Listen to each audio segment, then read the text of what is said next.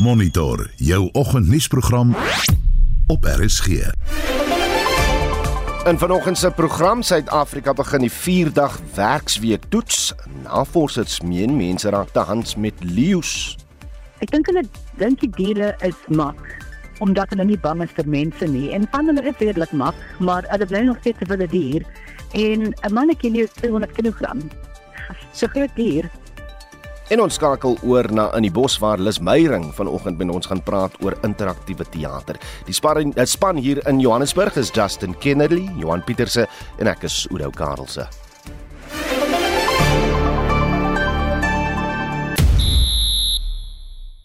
Die Junior Bokke lewer 'n nagmerrie vertoning by die onder 20 rugby kampioenskap teen Italië. Lloyd Harris dring deur na die halve eindronde in Mallorca. Die Crinums en Jaguars pak mekaar vir die Telkom Netballiga se grootprys en ons gesels met die joernalis Wim Pretorius oor 'n omstrede einde tot die onder 16 Grand Como rugby week. Ek is Shaun Schuster vir RSG Sport.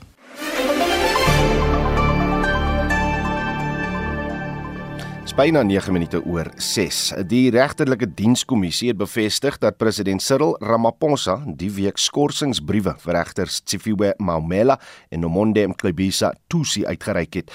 Dit volg op die aanbeveling van die regterlike dienskommissie in April dat die twee regters geskort word hangende die uitslag van 'n tribunaal wat vertragingsondersoek teen eh, ten opsigte van verskeie fondse. Dit spruit voort uit 'n aantal fondse wat voorbehou is en in daardie stadium tussen 6 en 26 maande uitstaande was. Ons praat nou met 'n voormalige regter in die Grondwethof, eh, Johan van der Westhuizen. Johan, goeiemôre. Goeiemôre, goeiemôre. Wat bepaal die norme en standaarde vir regterlike beamptes met betrekking tot uitsprake wat voorbehou is? Uh, daar was in die verlede uh, geen werklike voorskrifte nie. Ehm um, die daar is seker ideale as op 'n stadium gesê dat die ideaal moet wees dat elke uitspraak binne 3 maande moet uitkom maar daar was nie vaste reëls gewees nie uh en die probleem het begin groter word dat regters uitsprake voorbehou soms vir baie lank tye ek as, as ons tyd het sal ek vir jou verduidelik hoe dit kan gebeur aan die een kant het mense 'n bietjie simpatie daarmee want regters werk onder groot druk mm. En dit kan maklik gebeur vir 'n verskeidenheid van redes. Partykeer as as ons nou doodgewone pligsversuim of of luiheid uitskakel, dit kan ook gebeur dat nuwe regters uh bang is hulle maak foute, dat hulle graag baie goeie uitsprake wil skryf ensovoorts. Aan die ander kant is dit natuurlik uiters uiters onaanvaarbaar dat uitsprake lank voorbehou word Ehm um, want dit is mense se lewens wat in die gedrang is. Uh die, die uh, alle sake gaan oor mense. Dit gaan oor mense se lewens, hulle beroep ensovoorts, hulle toekoms en dit is inderdaad uiters aanvaarbaar, onaanvaarbaar. So toe die regterpresidente begin en later die regterlike dienskommissie om sekere reëls op te stel. Ek ek kan my nie oor die detail in hierdie geval uitlaat nie mm, mm. want ek weet nie hoe lank dit was en hoeveel hoeveel sake nie ensovoorts maar uh, dit het baie nodig geword. Ek kan miskien net byvoeg, ek is 'n waarnemende regter in Lesotho. Ja. 'n Waarnemende appelregter. En in ons laaste sitting in April uh, wel, voor ek dit sê, wat dikwels gebeur is dat regters gee wel 'n bevel. Hulle maak 'n bevel. Met ander woorde, hulle sê die aansoek slaag of misluk en dan sê hulle die redes, die skriftelike redes volg later. En dan vat dit baie lank, baie keer 2, 3 jaar voordat hmm. hulle die redes gee.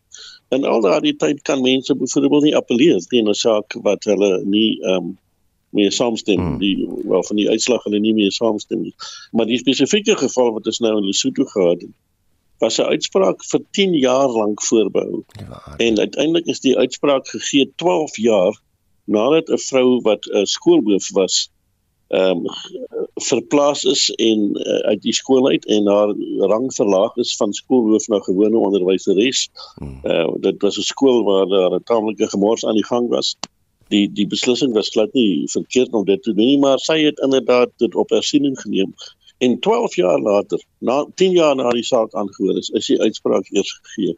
Nou dit is tog sekerlik ondenkbaar. Mens kan net dink, sê nou maar die sê nou maar sy slaag. Mm. mm ehm um, in 'n appel wat gebeur nou hoe herstel jy nou 12 jaar se gebeure die kinders is lankal weer in skool die uh, en so voort so dit dit, dit, dit daar's waarom ek sê dit gaan oor mense se lewens en daarom is dit nodig dat kontrole moet wees. En kom ek vra dan hierdie tribunaal word nou vir elkeen van die regters aangestel. Waar nou moet hulle kyk wat presies sal is dit sal hulle ondersoek om om vas te stel of hierdie vertragings redelik of onredelik was? Wel die die grondwet se toets, die grondwet sê dat eh uh, regters kan slegs uit hulle ampt verwyder word deur die parlement. In die finale instansie is dit net die parlement wat 'n regter uit sy ampt kan of haar ampt kan verwyder. Hmm. Uh, en die toets is um, as ek die Engelse term mag aanhaal incapacity, ja. maar ons ons kan dit by rekening dra. Dit is nou wanneer iemand baie baie siek word of beroerte het of so iets en glad nie meer die werk kan doen nie. Maar die die toets wat ter sake is hier is 'n gross incompetence met ander woorde ernstige onbevoegdheid. Hmm.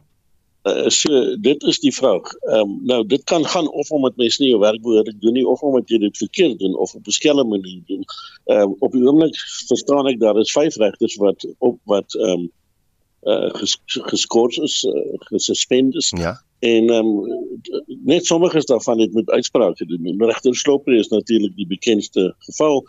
Uh, dit kom in die dae toe ek nog in die konstitusionele hof was. Ek is die persoon wat die ehm um, uh, beswaar teen hom opgestel het van namens ons hof. Dit was omdat hy ingemeng het met 'n uitspraak hmm. waar wat niks met hom te doen gehad het nie ten gunste van president Zuma. So ehm um, voor ons by die parlement uitkom ondersoek die regterlike dienskommissie dit dan maak hulle aanbeveling dat daar wel 'n tribunaal moet wees. Die tribunaal sal dan aanhoor wat was die omstandighede gewees, hoekom het dit gebeur, hoeveel uitsprake was die persoon siek gewees hmm. miskien? Uh was daar wat wat is die tydperke wat gestel is? Was daar ten minste daarom waarskuwings en en is is die regters aangespreek voor die tyd deur hulle regte president dit kan nie sommer net uit die lug uitval nie. En dan terwyl al hierdie dinge aan die gang is kan die president die regter ehm um, uh skors mm -hmm. of suspend ehm um, op die op die versoek van die regterlike dienskommissie So dit is nou wat hier besig is om te gebeur. Dit is dis die eerste keer wat ek daarvan hoor dat dit gebeur op die basis van voorbehoue uitsprake. Hmm, hmm. Dit moet ek sê. En dit daarom is ek versigtig om te sê is dit in hierdie geval geregverdig of nie want ek is nie ek het nie genoeg feite nie, maar gewoonlik waar dit gebeur is wanneer een van die regters op die oomblik wat van die ander regters wat in daai posisie is is omdat feite aan die lig gekom het ten aansien van finansies in die prokureursfirma waarvan hy vroeër uh, lid was waar hy vroeër uh, jy weet uh, gewerk het. Hmm. Sulke soort van konflik van belange ensovoorts. Vir voorbehoue uitsprake jy weet daar was 'n regter gewees in Pretoria wat nou oorlede is, ehm um, wat toe hy aangespreek is oor lank voorbehoue uitsprake het hy gesê dit tas sy regterlike onafhanklikheid aan. want sy onafhanklikheid beteken hy met so lank tyd kry soos wat hy nodig het om 'n uitspraak te lewer. En natuurlik is baie uitsprake uh, moeiliker as ander. Maar hierdie tipe ding wat ons nou hiervan hoor, die tydperke wat jy genoem het, ehm um, uh, my Lesotho voorbeeld is is uiters onaanvaarbaar. Absoluut, ek hoor jou. Baie dankie vir daai besonderhede. Ons sal die proses fyn dop hou. Dis uh, Johan van der Westhuizen, hy's 'n voormalige regter in die konstitusionele hof.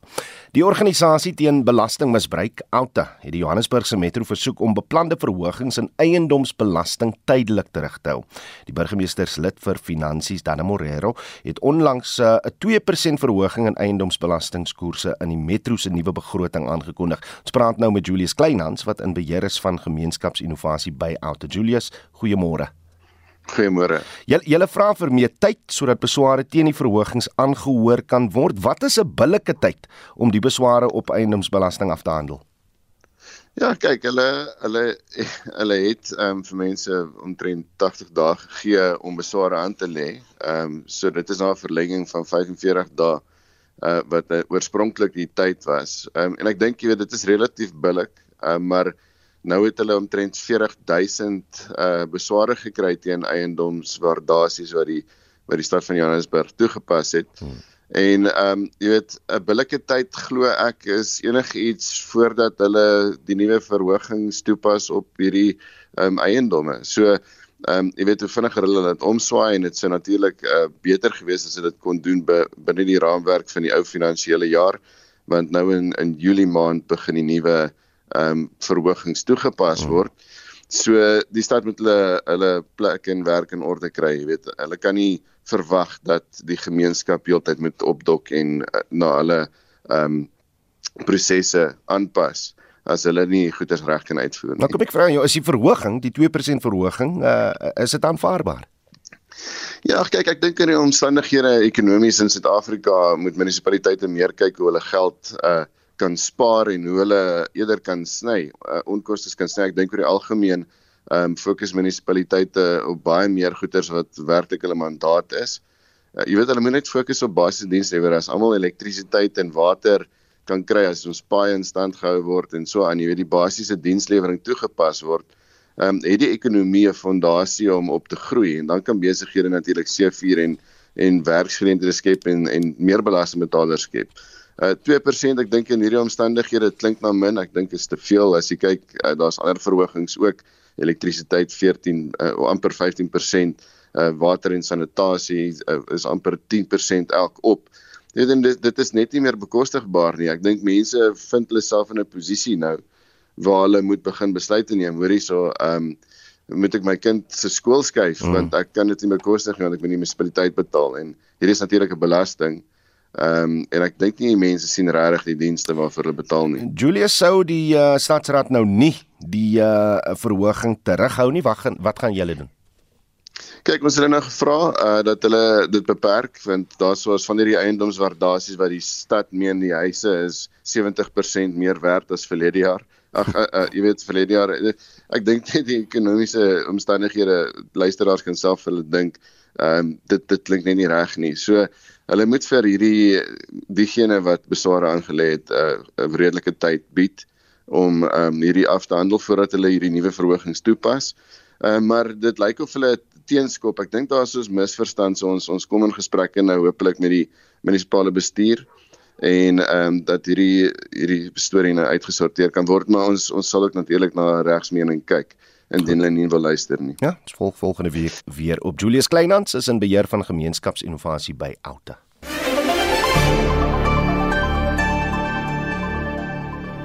Sommige strande in Durban is weer gesluit na 'n rioolpompstasie onklaar geraak. Die strande sluit te gewilde vakansiebestemmings soos Umhlanga, Westbrook, Reunion en Winkelspruit in. Nou, ons het gister met Martin Meyer van die DEA gesels oor die oorstromings. Vanoggend is hy terug en hy sê 'n partywoordvoerder vir samewerkende regering. Ons fokus nou spesifiek op die riool kwessie. Martin, goeiemôre. Môre het 'n koelerige Durban uit. Sê, kom ons begin net eers met met hoekom die riool pompstasie onklaar geraak het. Wel, die, die, die probleem wat ons nou het is nog steeds van laas jaar se storms af. Die herstelwerk is nie behoorlik gedoen nie. Daar's vertragings met die herstelwerk. Ehm um, so dit is maar net nog steeds aanhoudend en aanhoudend van laas jaar se oorstromings af wat die probleme nou aanhou. Maar dan moet ons ook daarbey saamvat dat ehm um, selfs voor die oorstromings van laas jaar is die ehm um, instandhouding by die rioolplase nie gedoen nie. Hmm. Uh so dis die goed is nou almal verouderd en dis nie reg in stand gehou nie. So dis maar 'n groot en aanhoudende probleem vir ons hier in Durban. Het julle nou al 'n antwoord gekry van hoe lank dit geneem om die uh, situasie op te los? Ja, jong, uh dit is nou dis 'n verantwoorde wat ons altyd vra en ek kry verskriklike vreeslike goed en maar jy kry net die regte antwoord nie. Ehm um, ongelukkig weet ek ons baie beloftes, maar ons het nog niks wat regtig waar ehm um, uitgesorteer word nie. Ek weet nie in winkelspruit byvoorbeeld, ehm um, het hulle nou nuwe pompe ingebring, so ons hoop daar sal binnekort bietjie vorentoe beweging daar wees. Maar daar's ook een van die probleme is dat die goed wat mense in die pype ingooi. Ehm um, ek het nou daag gesien my my kollega Andre Beetge wat die raadsit hier het, het op sy Facebook gesit en hulle al die verskriklike goed hier deur die pype en die pompe uit dat mense um, in hulle toilette afspoel. Ek weet nie hoekom dit in die rioolpype nie. En dit dra ook natuurlik tot die probleem by dat dat hmm. mense wat um, allerlei vreemde voorwerpe in die pype laat ingaan, um, help nou nie regtig om die probleem op te los. Martin, kom ons praat oor die impak. As nou wel 15 strand wat nog strande wat nog oop is, maar sekerlik hierdie hierdie sluiting se ja. impak op die metro se ekonomie vir altyd in skoolvakansie en as jy kyk na een van die strande wat gesluit is, Umhlanga. Hy's 'n gewilde bestemming. Ja, weet en dit is ons sê, dit is nou 2 jaar en net 3 jaar al wat ons nie 'n goeie toeriste seisoen gehad het nie. Uh winter is vir ons belangrik want ons het 'n baie lekker warm atmosfeer hierso. Uh weet mense kom van Johannesburg en so af na ons toe. Ehm um, en dit raak ons ekonomie dan baie sleg. En ongelukkig is mense dan te versigtig om ook te, te bespreek dit te kom want mense weet nooit of ons strande oop of toe gaan wees nie. Daar's baie ander dinge om ook in Durban te doen. So ons hoop mense sal nog kom, maar dit raak ons baie swaar. Ehm um, hierdie naweek is nou natuurlik die die baie beroemde July uh perde races. So ons hoop dat dit so 'n groot uh, klomp mense inbring. Maar jy kan regtig sien besigheid begin toemaak. Ek weet van baie restaurante wat al begin toemaak het, nie net weens die strande nie, maar ook natuurlik ook weens beerdkrag. Ehm um, so dit dit gaan maar beroer met ons uh, ekonomie so onderpan. In die tussentyd het uh, julle 'n uh, hulpbron vir mense wat wil uitvind watter strande nog oop is. Ja. En maklikste om te doen is ehm um, die stad van eThekwini se uh, uh, Facebook bladsy. Ehm um, dit het tog al redelik gereeld ehm um, sit hulle opdateer hulle daar watter strande oop en watter strande toe is. Jy kan ook na die eThekwini se webbladsy toe gaan of jy kan ook ehm um, as dit moontlik is, jy kan inligting op die op die uh, internet kry. Jy kan die plaaslike raadslid skakel daar en wat ook sal kan help. Dit is wel 'n bietjie vloeiend. Uh, vandag is dit strand oop, môre is hy toe, maar as ons maar net gereeld op die internet gaan kyk, dan sal ons kan sien watter strande oop en toe is. Ehm um, en dan altyd maar net die raad volg van van die uh kennisgewings wat opgesit word by die strande um, en van die mense wat daar werk. Martin Meyer, hy is die DIA se woordvoerder vir samewerkende regering in KwaZulu-Natal.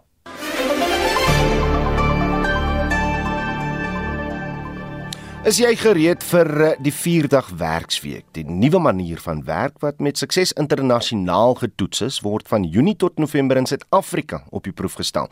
Verskeie kenners wys egter op Suid-Afrika se unieke sosio-ekonomiese landskap as potensiële struikelblokke vir die nuwe stelsel se doeltreffendheid. Ons praat nou met die Goepinaar, die direkteur van indiensnemingsreg by die firma Cliff Dekker Hofmeyer. Goeiemôre. Goeiemôre Oudo. Is daar nou 'n land in die wêreld wat eh, 'n uh, 4-dag werksweek het?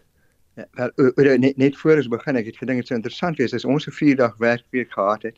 Dan kon jy natuurlik nie vanoggend hierdie onderhoud gedoen het nie en RC se iemand anders moes betaal om die onderhoud te doen.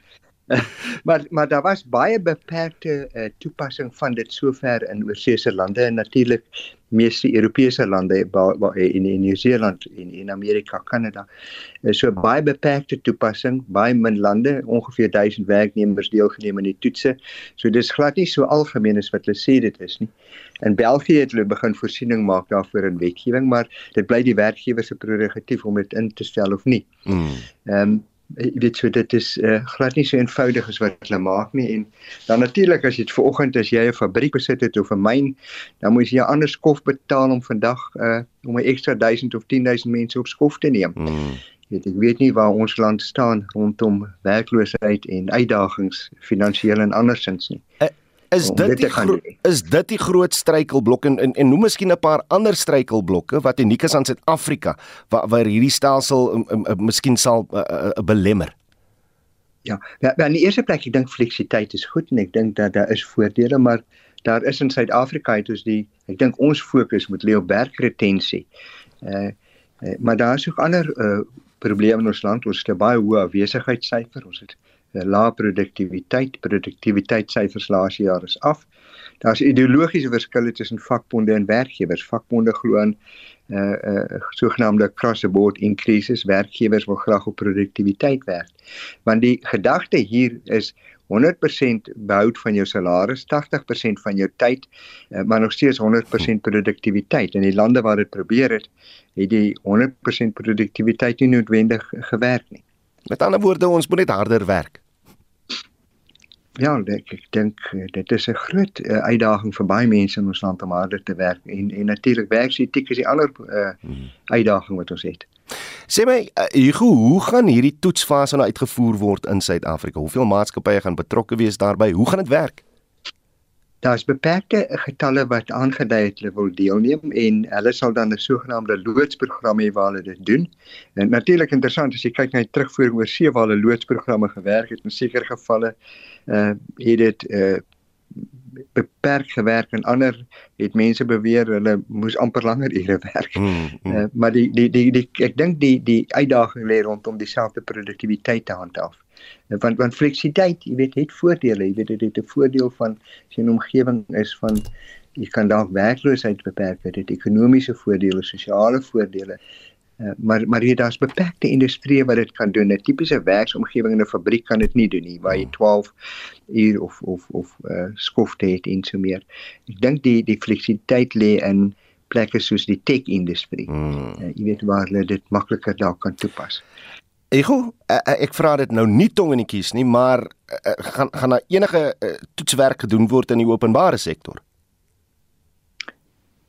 Wel, ek dink hulle wil dit net nie sektorale toets waar daar mense werk. Ehm, um, maar ek sê dit ook tongenetjies. As hy, dit was die direkteur van indiensnemingsreg by die firma Cliff Dekker Hofmeyer. Is jy gereed vir 'n 4-dag werksweek? Regsjon Jooste staan gereed met die jongste sportnuus uh, en uh, net na die bietjie sportnuus gaan ons ook gesels oor uh, die omstredenheid daar by die onder 16 Grand Komme rugby week. Maar vir nou eers, kom ons praat met Shaun Jooste. Môre Shaun. Goeiemôre Oudo. Die tweede ronde in die onder 20 rugby kampioenskap is een wat Suid-Afrika gou agter die rug wil sit. Ja, die junior bokke het 34-26 teen Italië vasgetal en vasgeval na uiters swak vertoning waar hulle 17 keer gestraf is en slegs 62% van hulle lynstaande kon wen. Argentinië is ook met 20-0 verras. Frankryk het Ierland met Frankryk het Nieu-Seeland met 35-14, Ierland het Australië met 30-10 en Wales Japan met 41-19 afgeronsel en Engeland het Fiji gisterand met 53-7 afgedraf. Tot dusver 'n moeilike jaar op die tennisbaan vir Suid-Afrika se voorste manspeler Lloyd Harris, maar hy het al 'n bietjie momentum op hier in Spanje. Ja, Harris het die uh, Rus Pavel Kotov in die kwart eindronde van die manstoernooi in Mallorca met 7-5 en 6-2 uitgeskakel en hy stap nou vandag in die halve eindronde teen Christopher Eubanks van die FSA op die baan uit. Sake redelik gelyk op in die tweede toets om die as tussen eh, Engeland en Australië. Ja, die Aussies is gister vir 416 uitgehaal met Steve Smith wat sy 32ste ondertal aangeteken het. Hy het 110 lopies bymekaar gemaak en Engeland het dag 2 op 278 vir 4 in hulle eerste beurt geëindig, 'n agterstand van 138 lopies. En opwindende halfeindronde in die Telkom Netball Liga draai goed uit vir die Cranes en die Jaguars. Ja, die Cranes het die Southern Stings in 'n wedstryd met 55-48 en die Jaguars het hulle Gauteng se bure die Golden Fireballs ook nalskraap met 53-50 geklop. Hulle pak mekaar nou môre aan 6uur in die eindstryd. Reg, Shaun Joosteraan met die sporthoogtepunte. Kom ons kom uit by ons uh, fokus vanoggend in die onder 16 Grand Kome rugby week by Hoër Landbou Skool. Uh, dis nou in die Boland is gister in omstrede wyse afgehandel. Die finale wedstryd sou tussen WP en die Vrystaat beslis word, maar Nadat die Blou Bulle Woensdag 'n klag ingedien het oor rassekwotas, is die WP gestraf en hulle het hul plek in die uh, wedstryd verloor. Ons gesels nou met die joernalis Wim Pretorius hieroor. Wim, goeiemôre. Goeiemôre Oudo. Goeiemôre aan ons luisteraars. Daar's lekker om jou uh, saam met ons te hê. Kom ons begin net met met hierdie rassekwotas. Wat is die kwota getalle of persentasies waaraan spanne moet voldoen? So Oudo, die SA Rugby en SASRA, die Suid-Afrikaanse Skole Rugby Vereniging, vereis dat minstens 11 uit elke 23 spelers moet spelers van kleur wees en hierdie vereiste is geldig op nie net die onder 16 Grand Coma week nie maar op al SA rugby se jeugweke so die onder 18 krywen week, die onder 18 akademie week en ook die onder 13 krywen week. En so, jy weet beserings moes hm. Ja, son. Skies. Ja. So weens beserings moes WP toe spelers van hulle 15-tal span nader trek. Nou maak SA rugby nie vergunnings vir gevalle nie, vir sulke gevalle nie. En wat sê dit ook dan van die kommunikasie tussen SA rugby en die spanne oor kwotas, eh, beserings ensovoorts? So die vereiste is eintlik dat sou 'n speler nou beseer raak soos wat met die Weselike provinsie gebeur het wat eintlik hulle twee senters verloor en toe nou twee wit senters van die WP15 taal wat ook op die week in aksie was opgetrek. Maar tegnies volgens SA rugby se reëls behoort hier nog steeds dan die twee spelers wat beseer is wat dan nou kleurspelers is met twee ander kleurspelers te vervang. En as dit dan nou beteken dat jy moet nou agterlank skommel en jou span bietjie de mekaar maak as jy nou nie nog twee gekleurde senters tot jou beskikking het nie dan moet jy dit nou ongelukkig doen. En nie, ek dink jy daar's noodwendig veel probleem wat die kommunikasie betref nie. Die reëls is baie duidelik uiteengesit in um SA Rugby se strategiese transformasie ontwikkelingsprogram. Die is in 2020 bekend gestel. So ek dink die vraag weet is is natuurlik is is hierdie skuif wat die WP gemaak het, was dit 'n wetende of 'n onwetende ene?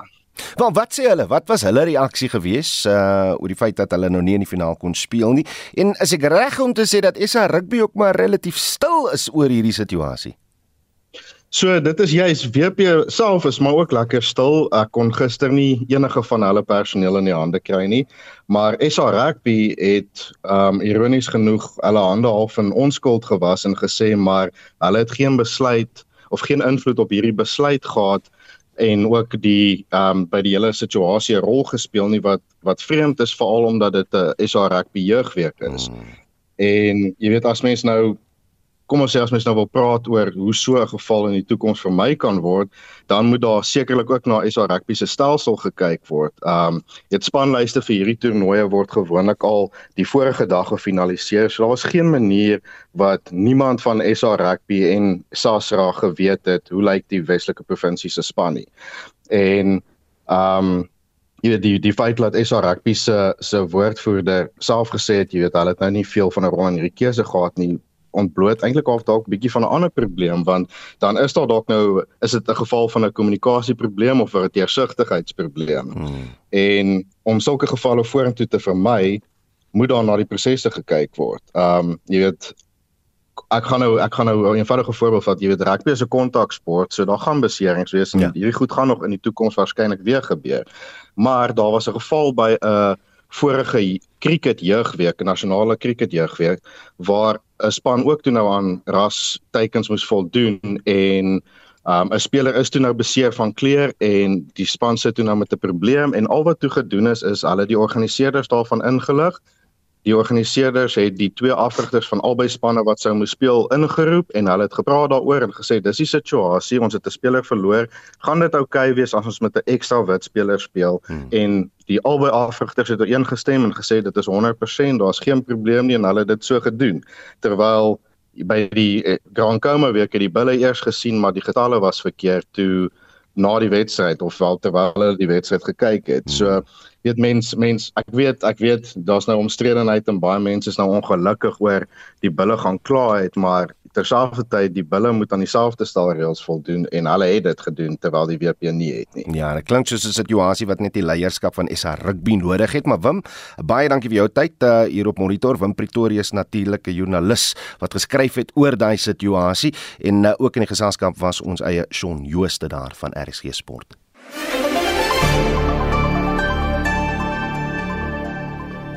Die DA het gister 'n klag by die openbare beskermer ingedien teen adjunkpresident Paul Mashatile en die ANC se sekretaris-generaal Fikile Mbalula oor beweerde onetiese optrede. Mashatile leef glo in weelde in huise van persone aan wie tenders toegeken is terwyl Mbalula glo 'n lening van 3 miljoen rand van die bedryfshoof van die nasionale loterykommissie ontvang het. Professor Erwin Schwelle, dekaan van die Huguenot College se skool vir innovasie, sê dit behoort 'n impak te hê op Mashatile se hoop om president te word. Dit is baie belangrik om te sê dit kan dit beïnvloed, maar dit behoort dit ook te beïnvloed. As die beweringe waar is en ons het nou nog nie substantiëre bewyse daarvoor nie, maar kom ons neem nou aan dat hierdie verhaal wat oor 'n klompie jare uitspeel en waar daar wel prima facie getuienis is dat hy 'n betrokkenheid het en verblyf kry en voordele kry van 'n groep mense wat geïmpliseer word deur die Zondo-kommissie en sommige reeds aangekla is, dan behoort dit 'n impak te hê op sy uiteindelike moontlikheid om 'n president te word. Shwala sê Mashatile word outomaties die president indien president Cyril Ramaphosa om een of ander rede nie meer die pos kan vul nie. Daarom het Suid-Afrikaners die reg op deursigtigheid. En hy moet maar net doodgewoon beginne om die vrae te antwoord, uiteindelik die feite te gee. As hy niks het om weg te steek nie, dan het hy niks om weg te steek nie. Dan antwoord hy die vrae opreg en eerlik en ons is almal tevrede en ons gaan aan en hy word die president. Maar as hy iets het om weg te steek, behoort dit aanhoudend ondersoek te word en deeglik ondersoek te word om seker te maak dat daar nie 'n konflik van belange is tussen ons, die burgers van hierdie land se belange en sy persoonlike belange wat uiteindelik 'n suiwigheid in sy besluitneming kan inbring en dat hy sy belange bo ons belange stel. Wat Mbalula se lening betref, sê Shwala enige geld wat op ondeursigtige wyse verhandel word, is 'n probleem.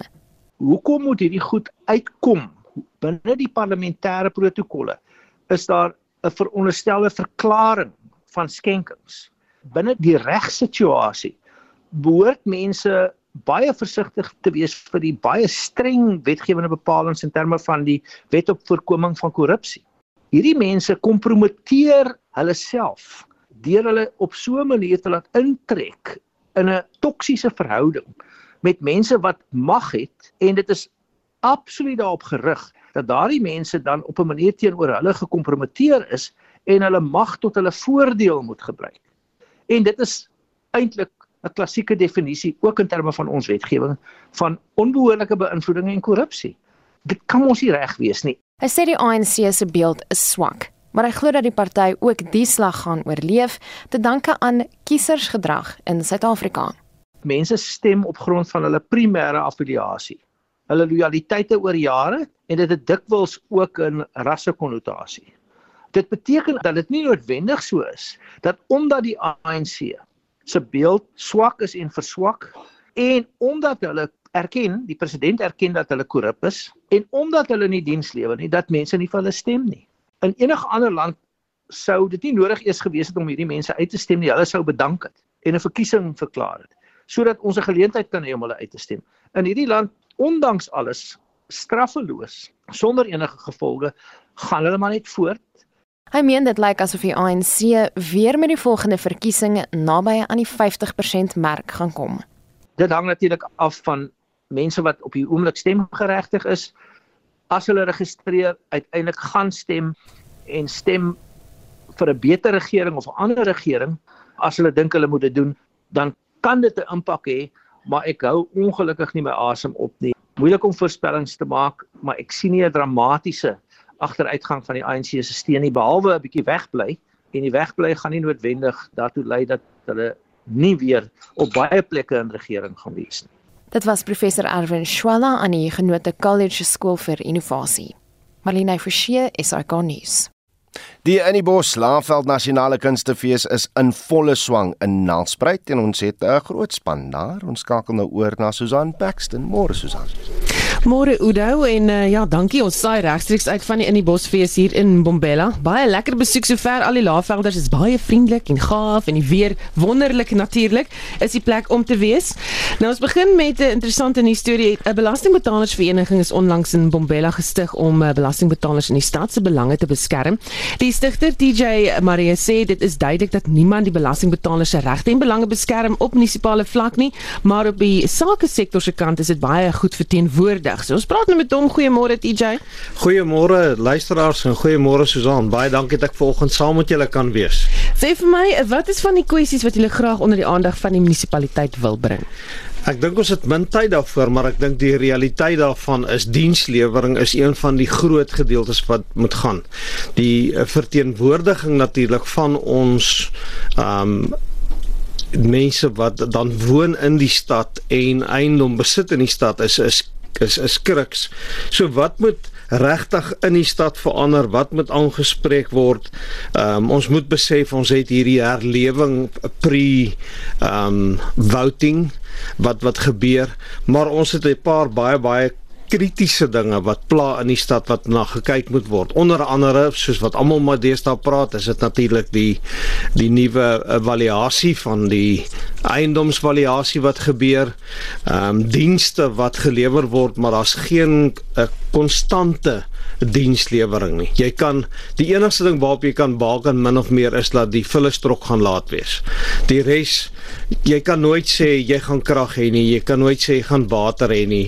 Ehm um, ons buurdorp en deel van die ehm um, City of Mbombela Witrivier was vir 'n hele ruk sonder water gewees onder andere en dit uit klein foutjies uit wat net nie reggemaak kon word nie. En natuurlik ehm um, die ander gedeelte wat ehm um, 'n groot probleem is, ons het ons het die positiewe van die ontwikkeling van 'n universiteit wat uitstekend doen, maar samehangend met daai beplanning is daar nooit gedink aan studentebehuising nie.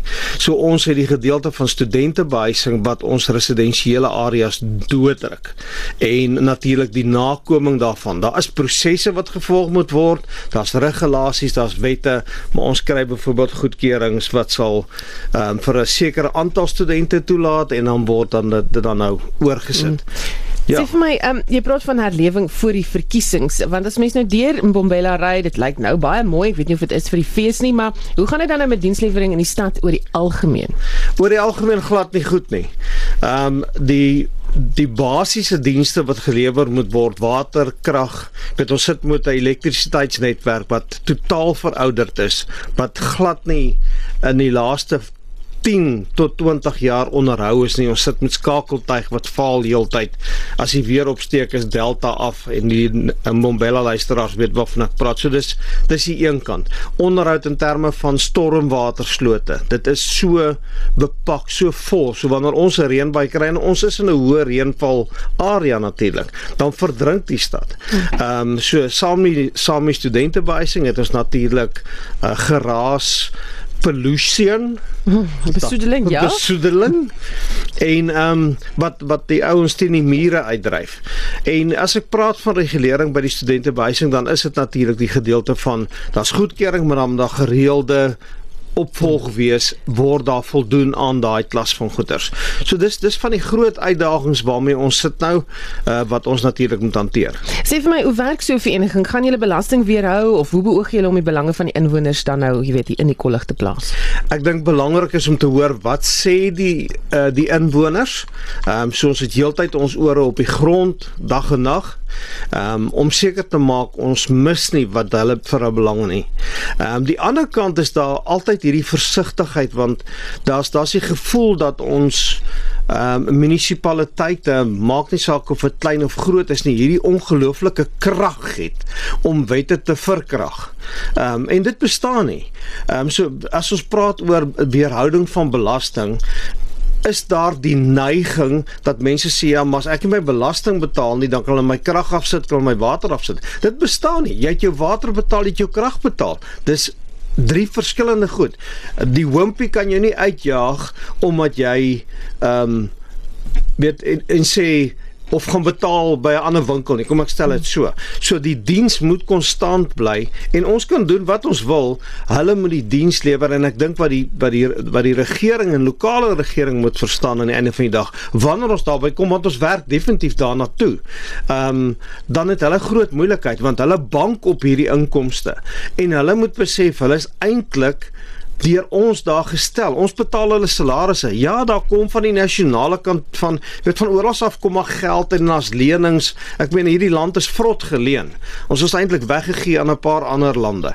Maar ons los dit daar. Die die eindeinde van die saak is ons gaan dit begin weerhou sodat ons ons dienste kan onderhou en sodat ons ons dienste kan bou. Hoekom betaal ons elektrisiteit almal en as 'n voorbeeld is daar so iets en dis reg deur Suid-Afrika sit ons sonder krag. Hm. Ons moet na al daai goeters kyk. Wat sê die wet daaroor? Kan jy net jou jy weet jou jou geld weerhou van die munisipaliteit? Want sover ek verstaan kan jy nie net nie. Dis baie interessant. Ek weet nou nie die die die dorpe se name ongelukkig vergeet, maar daar's sover vier dorpe, stede wat ook al in Suid-Afrika wat reeds dit suksesvol gedoen het.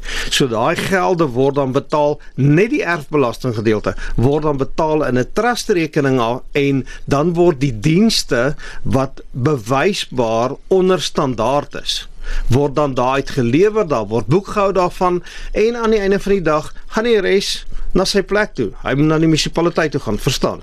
Dis die ander vraag, jy sê daar moet behoorlik boekhou word daarvan en bewys word dat hierdie dienste nie gelewer word nie. Ehm um, is die gemeenskap lus om dit te doen want baie mense is net soos ag, is te veel moeite. Daar's 'n baie groot dryf agter dit op hierdie stadium om te sê ja, kom ons doen dit. Ehm um, ek dink regdeur Suid-Afrika as mense 'n bietjie vol vir dit wat ons kry, vir dit wat ons betaal. So die mense is regtig lus. Mbombela staan blok vas vierkantig agter hierdie saak en ons wil dit doen. Hmm. Laaste vraag, julle kla nie net nie, julle doen ook vertel my 'n bietjie van We Care for Nelspruit. Ja. ja. Ja, kyk om om te kla beteken niks nie, nê. Nee, jy moet jy moet iets begin doen aan die saak. So ons het ook 'n organisasie in die stad met die naam van WeCare for Nelspruit en dit is nie 'n kompetisie met die munisipaliteit nie. Dit nooit so gesien word nie. Dit is 'n aanvulling. So as daar 'n leemte ontstaan, so ons maak skoon, ons maak die publieke area skoon, veilig. Ehm um, dit dis ons stad lyk nie net vir in die bos mooi nie. Uiteraard het ons baie werk gedoen doen om dit nog 'n bietjie mooier te maak. Maar oor die algemeen doen ons 'n klomp werk om die stad konstant skoon te hou en daai top-up services is maar die woord. Top-up services te lewer soos hulle faal iewerster moet ons daar wees. 'n Park moet gesny wees, publieke areas, vlei areas, jou green belt moet onderhou word. En die mense wil dit hê. Die mense uh van Bombela waardeer hierdie dinge en hulle dra privaat by. Mense hoor natuurlik die vraag maak betaal belasting en en en. Maar ons moet ophou daaroor praat. Ons aan een kant moet ons die geveg veg op die regte manier, aan die ander kant kan ons nie toelaat dat ons verder agteruit gaan nie. Ek weet nie of jy verder kan nie. Ehm uh, maar uh, ons stel hom op in ons middestad die die actual CBD van Nelspruit wat die hart is van al die jare wat die fees was is besig om te herleef omdat ons konstant skoonmaak, konstant hierdie ongevraagde onetiese plakkate afval, fees skoonmaak en ons gaan dit net groei en ons het bewys dat ons ons middestad kan skoonhou met 11 mense. In vergeleke Ek wil nie die getal noem van Mbombela nie, maar daar's absoluut nie 'n kapasiteit om dit te doen. So weekend van Helspruit 'n vrywillige uh uh organisasie wat bestaan uit 'n komitee, NPO en so meer. Sê? Baie dankie dat jy kom gesels het vanoggend. Klink vir my jy's baie besig. So, ja, ja, besig is my middelnaam en ons het dan nou gepraat oor wat gebeur as jy nie besig is nie. So ons gaan nie daaroor uitbrei nie. Nee, sal dit eers daar los, maar baie dankie vir die stigter van die Mbombela Belastingbetalersvereniging TJ Maree en hy het kom gesels oor uh, wat hulle doen om hulle dorp stad uh, regterik en uh, weet wie leefbaar te kry standaard wat julle vanhou. Dankie dat jy hier was. Baie dankie, dankie luisteraars, geseënde dag. Goed, kom skuif daardie mikrofoon oor daarna Liz toe dat sy met ons kan gesels en die aktrise Liz Meyering tree die jaar by in die bos op in uh, verskeie produksies, maar dit is die van die Rakaf produksie wat die aandag trek. Die produksie is om die mense te sê uniek en interaktief met die gehoor wat dit so uniek maak. Uh, maar gaan haar nou vra om dit nou te verduidelik. Liz, wat is van die Rakaf? Van die Rakaf is gebaseer op 'n wêreldwye fenomeen wat in 2020 gestig is, the Human Library in Skandinawië. Met die doel dat mense mekaar beter verstaan. Kyk die ou gesegde lui onbekend is onbemind. So wanneer ons weet wie en wat ander mense is, dan is ons miskien minder veroordelend. Omdat hierdie konsep so eenvoudig is, in plaas van 'n boek uitneem, neem jy 'n mens uit wat kaalvuis hulle storie vir jou vertel. Het dit letterlik soos 'n veldbrand, 'n goeie veldbrand oor die wêreld versprei. In Suid-Afrika onder andere alleen is daar al 20 human libraries of mensbiblioteke. Hmm. En sê vir my, ehm um, hoe werk dit nou prakties as jy ehm um, jy weet in die op die teater verhoog is? Voor die tyd ontvang die uh, gehoorlede wat iets wat lyk amper soos 'n ou biblioteekkaartjie vir die wat dit nou nog gaan onthou. Daai langetjies met die streepies op. Daai langetjies met die streepies. Hy lyk die... amper so. amper so met al die opsies van titels, boekmense wat mense kan uitneem vir hierdie produksie. En dan kry elkeen 'n potlood en uh, hulle word gevra om 5 stories te kies uit die uit die rit stories wat daar is. Hulle kies dan hulle vyf gewildstes en Charlene die verhoogbestuurder gaan dan net so voor die show so 5 minute voor die opvoering begin tel hulle voor die gehoor op die verhoog en die vyf gewildstes word dan die vyf stories wat ek in daardie spesifieke opvoering doen. So almal is daar, hulle moet maar gereed sit net vir ingeval hulle gekies word. Ja. Ja. ja. Is daar byvoorbeeld 'n tendens van mense wat gekies word wat Nee nee nee, dis nie mense. Ek bedoel die boek. Ja, die boeke, die ja. karakters. Ja, die karakters. Ja, ek het nou van dit ek begin het met die produksie in April vanjaar uh by KAKNK. Het ek tog agtergekom daar is sekere titels wat mense meer trek as anders. En toe het ek 'n bietjie gaan verander aan die titels hmm. om dit 'n bietjie uh om dit 'n meer regverdige kans te gee. Maar dit lyk my tog, ek wonder of mense onder mekaar praat dalk of sê, jy weet kies hierdie of hierdie, maar daar is tog 'n tendens wat wat uitkom. Alhoewel letterlik elke opvoering anders is. Ja. So ek weet nie, né? Ek weet nie wat hulle gekies het nie. Hoe berei jy vir so iets voor? Jy berei voor vir 3 vir die vir die lengte, breedte en volume van 3 volledige produksies. Met anderwoorde 15 karakters. Goed, sonder om te veel weg te gee, ons wil Ja, want daar's nog ja, mense ja. wat dit moet gaan kyk. Ja. Kan jy leidrade verskaf oor van hierdie boekpersone? Ja, daar karakters? daar is soms sommige van hulle is fiktief, van hulle is histories, mitologies en so aan en dan is daar 'n paar wat baie sterk geïnspireer is, gebaseer is op die waarheid en ook stories wat werklik die die waarheid is. Ook interessante Suid-Afrikaners wat um, oor die wêreld opslag veroorsaak het. Hmm, klink baie mm. interessant en iets moet jy gaan kyk die by die fees as jy hierso is. Maar iets anders wat baie, baie ernstig is, is jy's betrokke by die teaterbystandsfonds. Uh so rukkie gelede het jy weer gepraat oor hoe swaar dit gaan met me, mense in die bedryf, veral ehm um, jy weet na Covid. Wat is die stand van sake tans? Ek dink mense is also moeg om te om klagtes aan te hoor en veral van ons bedryf. Maar dit is 'n bedryf van 6.5 miljoen mense voor en agter die skerms, film, radio, TV, lewendige optredes, uh teater natuurlik wat normaalweg 14% tot Suid-Afrika se bruto nasionale produk bydra. Dit's meer as mynbou voel dit vir my. Ja, mynbou is 6. Hmm. Volgens ekonome, ek dink 'n jaar terug het jy's RSG. Sy het nou vir my gesê landbou is 10. So 16 met 16 uh, jy weet is- is 6.5 miljoen mense is baie. Uh, die die die kort en die lank van die saak is 2.5 jaar. Stel jou voor jy het 2.5 jaar nie 'n inkomste nie. Wie gaan dit oorleef? So dis 'n bloedbad op die oomblik. Maar ons is ook 'n bedryf van entrepreneurs en ons is daar om mekaar te probeer leer hoe om die bedryf van die bedryf opnuut te bedryf sodat ons nie in daardie situasie. Ons is nie 'n klomp bedelaars wat pakkant staan nie. Ons wil graag werk. En ons wil graag die bedryf weer sterk en nog sterker kry as wat dit was. Maar ja die stand van sake is baie sleg. En veral vir die kwesbare mense ons ouer mense. Mense wat te oud en te siek is om te werk. Hmm.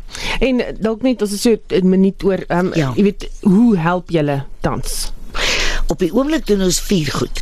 Mense wat te oud, te siek is om te werk en niks en niemand het om hulle te onderhou nie, word permanente begunstigdes. Onthou ons kry nie 'n sent van die regering of enige ander plek nie, is uit net uit fondsinsameling.